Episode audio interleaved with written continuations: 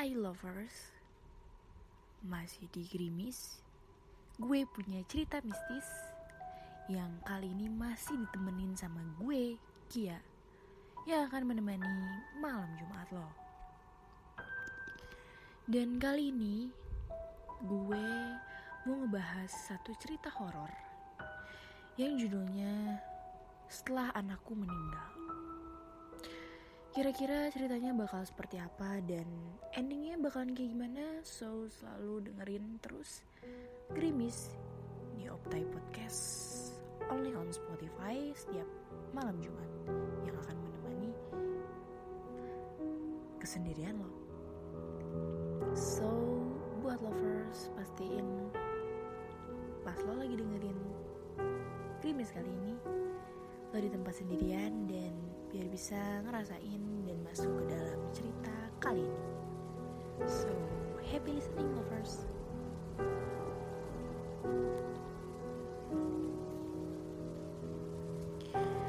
Cerita ini adalah urban legend dari salah satu daerah yang tak jauh dari tempat kota tempat saya lahir. Tentang sebuah teror di sebuah desa yang sangat Nama tokoh dan lokasi pada cerita ini sudah disamarkan. Demi menghindari hal-hal yang tidak diinginkan. Dan apabila ada kesamaan nama itu bukan suatu kesengajaan. Dan apabila saya lalai dan menyebutkan lokasi tidak perlu disebarluaskan.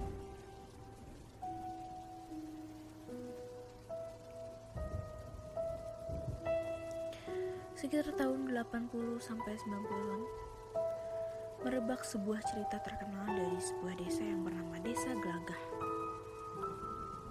Sebuah desa yang bersemula aman, tentram dan asri karena banyak sawah dan perkebunan di sana. Tapi tiba-tiba semua itu sirna akibat sebuah teror dari demit yang menghantui seluruh warga desa Gelagah selama bertahun-tahun lamanya. Demit apa? Mungkin banyak yang bertanya demikian. Jika kamu sudah utas sampai sini, coba kembali ke atas.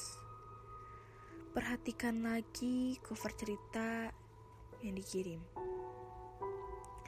Sesosok makhluk berwarna hitam yang tengah berdiri di dekat pohon tak berdaun. Kedua matanya merah tajam memperlihatkan kamu yang sedang melihatnya. Sudah tahu? Ya, benar. Pocong hitam. Semua kedamaian desa Gelagah sirna karena teror darinya selama bertahun-tahun lamanya.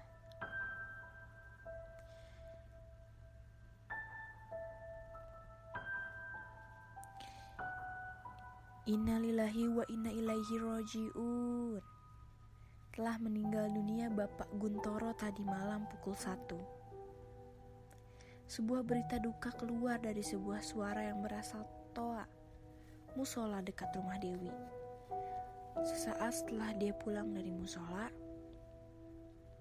Mas Guntoro Tanya Dewi dalam hati Ia ragu dengan berita duka yang barusan ia dengar Dewi mengerutkan dahinya sambil berjalan keluar rumah dan memperlihatkan lagi suara dari musola. Benar, Mas Guntoro. Ucap Dewi dalam hati. Guntoro mati, Guntoro mati. Teriak Gofur tetangga rumah Dewi. Hal itu membuat Dewi berjalan ke dalam rumah mencari ibunya. Bu, Mas Guntoro Sedo meninggal ucap Dewi pada ibunya yang sedang santai nonton TV di ruang tengah. Iya, Nduk, ibu wes krungu. Iya, Nak, ibu udah dengar. Dewi kembali keluar rumah. Karena banyak tetangganya ramai karena berita yang tiba-tiba ini. Beberapa warga juga mendengar berita duka yang diumumkan musola terlihat keluar dari rumahnya. Mereka kaget dengan berita kematian Guntoro yang tiba-tiba. Dia ceritanya si Guntoro bisa mati. Gimana ceritanya si Guntoro bisa meninggal? Begitulah pertanyaan yang dilontarkan setiap warga yang keluar dari rumah.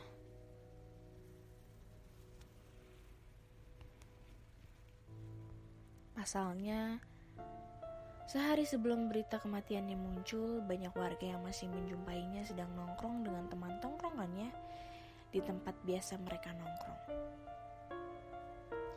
Banyak orang yang bertanya-tanya, bagaimana Guntoro bisa meninggal tiba-tiba?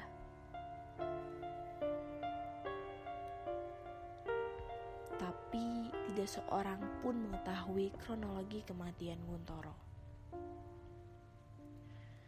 Pagi yang semula tenang tiba-tiba ramai akibat berita kematian Guntoro. Pada hari itu, berita tentang kematian Guntoro cepat menyebar ke seluruh telinga warga desa Gelagah. Hal itu disebabkan karena Guntoro bukanlah seorang warga biasa di desa Gelagah bukan karena jabatan atau sifatnya yang bijaksana. Tapi pemuda yang baru berusia 22 tahun itu terkena baju atau preman di desanya. Banyak perilakunya yang meresahkan warga desa. Sehingga berita kematiannya banyak menyita perhatian warga. Banyak kebiasaan Guntoro dengan teman-teman gerombolannya yang sangat mengganggu ketentraman warga desa Gelagah. Mulai dari mabuk-mabukan hingga menjadi debt collector menagih hutang suruhan orang kaya yang ada di sekitar desa. Buntoro pun sempat dikurung di balik jeruji besi beberapa bulan karena tertangkap sedang memalak anak-anak yang baru pulang sekolah. Perilakunya yang banyak menyakiti warga itu membuat beberapa warga bukan ikut berbela sungkawa, malah melihat senang dengan kematian Guntoro. Karena dengan kematiannya desa akan kembali aman dan tenang dari orang-orang sepertinya. Akhirnya mati kue kun, saiki deso isi dadi aman. Akhirnya meninggal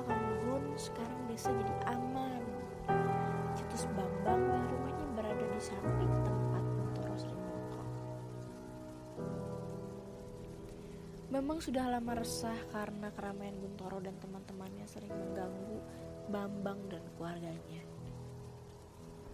Para oleh ngono bang Gak boleh gitu bang Ujar Gofur Iku azab kanggo uang sing seneng gawe loro ati wong-wong iyo. Itu azab buat orang yang suka membuat sakit orang banyak. Kata Bambang. Hari itu desa gelagah ramai akibat kematian Guntoro. Suasana rumah pun ramai dengan keluarga untuk taksiah dan mengucapkan bela sungkawa kepada keluarganya. Tapi warga yang datang bingung karena tidak ada jenazah Guntoro di rumahnya. Hanya ada ibunya, Bung Atineh, dan dua adiknya di rumah Guntoro yakni Suraji dan Wawan.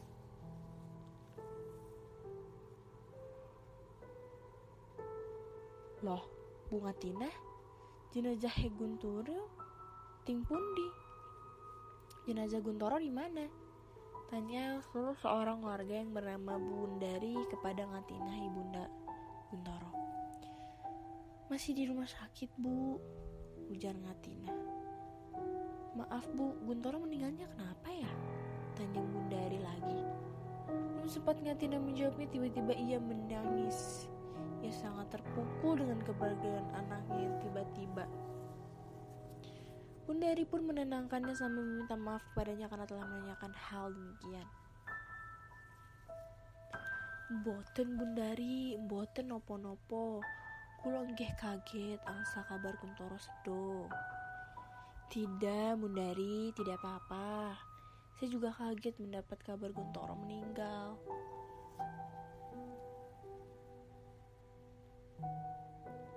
Tadi malam ada orang ke sini memberi kabar kalau Guntoro meninggal dipukuli warga di Jalan Timur. Loh, Guntoro ada masalah apa bu? Salah seorang warga yang ternyata mendengar pembicaraan Bundari dan Katina yang menyaut. Hus, dengar ibu-ibu yang lain sambil mengalihkan pembicaraan mereka berdua. Katina masih menangis di atas kursi di depan rumahnya. Menangisi kepergian anak semata wayangnya yang meninggalkannya selamanya.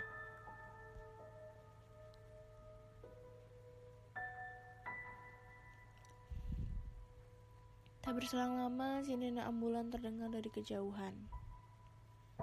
Suaranya yang semakin mendekat membuat Natina yakin jika ambulan itu akan ke rumahnya membawa jenazah anaknya. Dan benar saja ambulan itu berhenti tepat di depan rumah Guntoro. Tapi tidak hanya mobil ambulan yang datang, satu mobil lagi datang dengan berisikan dua orang polisi di dalamnya. Isak tangis keluarga Guntoro pun menyambut kedatangan jenazah Guntoro di rumahnya. Beberapa warga membantu memindahkan jenazah Guntoro yang sudah berada di dalam keranda jenazah. Dua orang polisi terlihat masih di dalam mobil menunggu situasi yang tepat untuk. Saat sudah kondusif, dua orang polisi tersebut turun dan berjalan ke rumah Guntoro. Assalamualaikum, ucap salah satu polisi lengkap dengan seragam dimasnya. Ngatina yang mengetahui kedatangannya pun menghampirinya. Waalaikumsalam. Jawab Ngatina sambil mempers mempersilahkan mereka duduk. Dalam kedatangan kedua polisi tersebut ternyata mereka membawa sebuah kabar kurang mengenakan tentang kematian Guntoro. Polisi tersebut menjelaskan jika tadi malam Guntoro dengan kedua temannya tertangkap warga saat akan mencelakai orang yang sedang melintas di jalan yang ada di timur desa.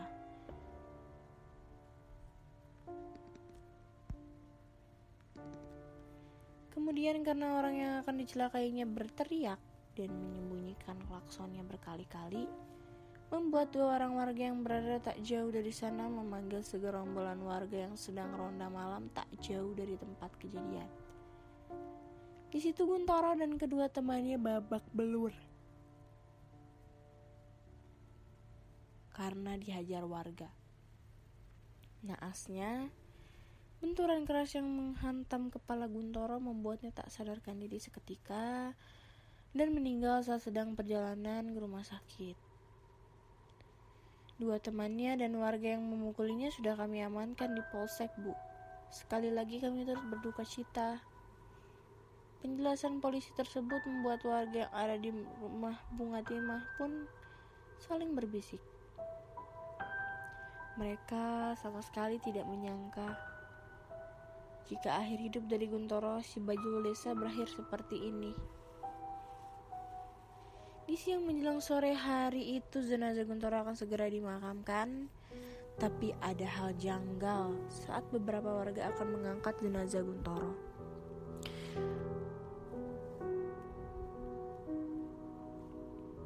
Pasalnya darah segar mengalir dan menetes ke tangan salah satu warga yang akan mengangkat jenazah Guntoro. Sek pak, iki metu gede he.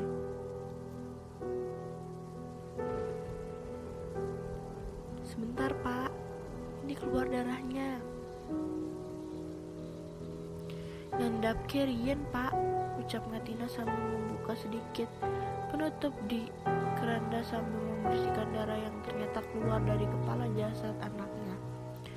Astagfirullah, teriak Ngatina sesaat setelah menyeka kain di atas jasad anaknya.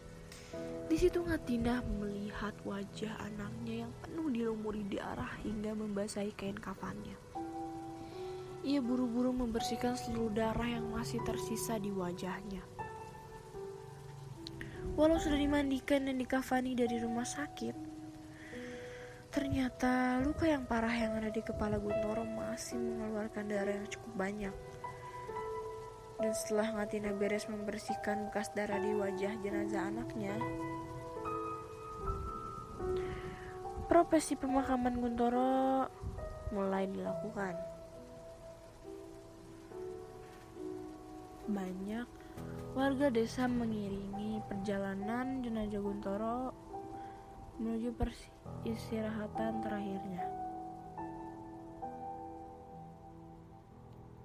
Bunga Tinah dengan para saudaranya mengiringi jenazah Guntoro di belakang. Walaupun banyak warga yang membenci Guntoro semasa hidupnya, tapi masih banyak juga warga yang bersimpati terhadap kematian Guntoro. Letak tempat pemakaman umum di sana berada di timur desa biasanya digunakan untuk pemakaman bagi warga tiga desa yang berada di sekitar sana. Timur desa? Ya, tidak salah. Artinya rombongan iring-iringan jenazah Guntoro melewati tempat di mana Guntoro dipukuli warga yang menyebabkannya tewas saat hendak diberi pertolongan di rumah sakit.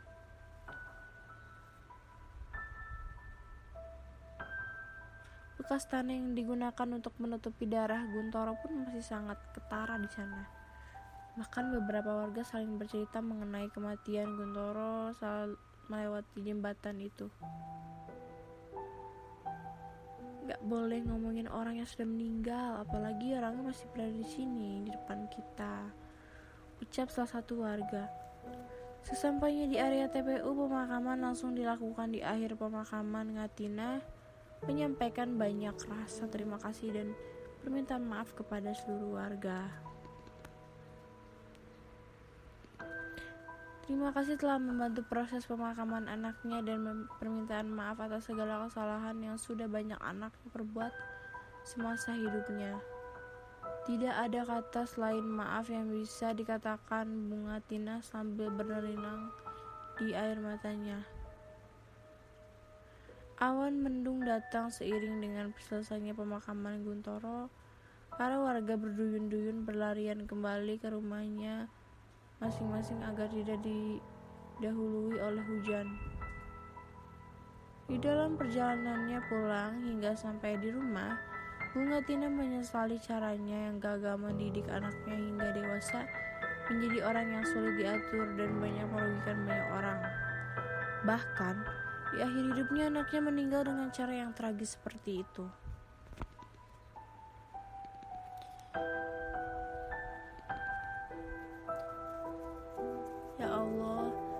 Maafkan saya, maafkan saya telah gagal mendidik anakku. Ampuni segala dosa-dosa anakku. Ya Allah, semoga Engkau mengampuninya. Doa seorang ibu kepada Sang Penciptanya. Meski semasa hidupnya banyak mengecewakannya, tapi Ngatina tetap menyayangi anak semata wayangnya itu. Kini tidak ada kata selain sepi yang ada dalam benak Ngatina. Suaminya sudah lama meninggal karena sakit saat Guntoro masih SMP. Sekarang anaknya satu juga udah meninggalkannya untuk selamanya.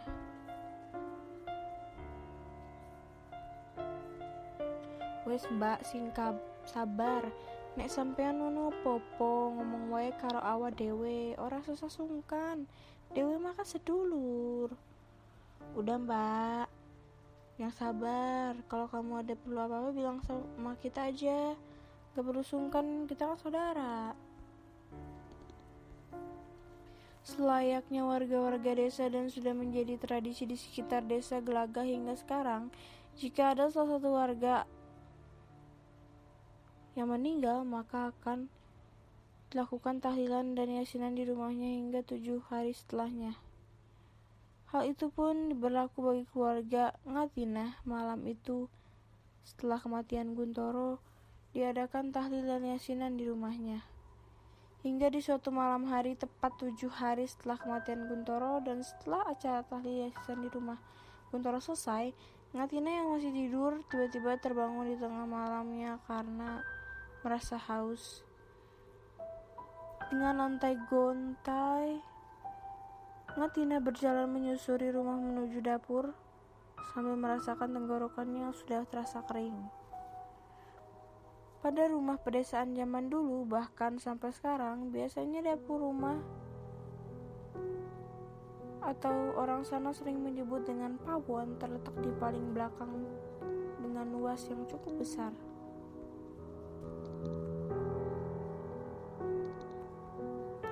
Di sana Ngatina mengambil kendi berwarna coklat berisi air untuk dituangkan ke dalam cangkir. Setelahnya berdua sam sempat Ngatina meletakkan bekasnya. Tiba-tiba dia mendengar suara Sanji, adik laki-lakinya yang kebetulan masih menginap di rumahnya dan tidur di kamar Guntoro tiba-tiba memanggilnya.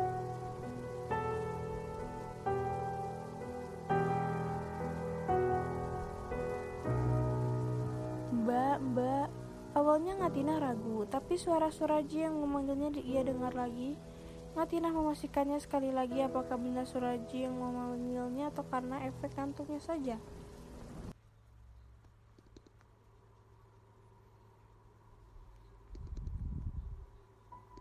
Ternyata benar, suara itu adalah suara Suraji yang berada di dalam kamar Guntoro.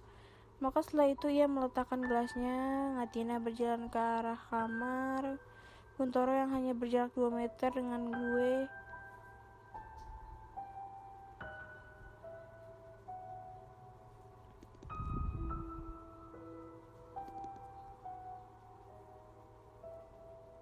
Mbak, mbak, suara itu muncul lagi dan kedengaran agak keras di telinganya. Bunga Tina semakin penasaran apa yang sebenarnya terjadi pada Suraji.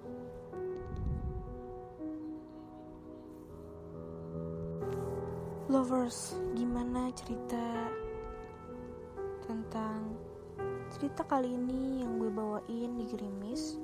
Gue punya cerita mistis. Apakah lo penasaran dengan cerita selanjutnya?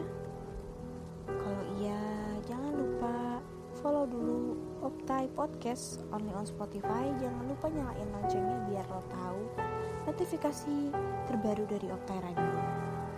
So, buat lovers, pantengin terus ya Optai Podcast only on Spotify. See you, lovers.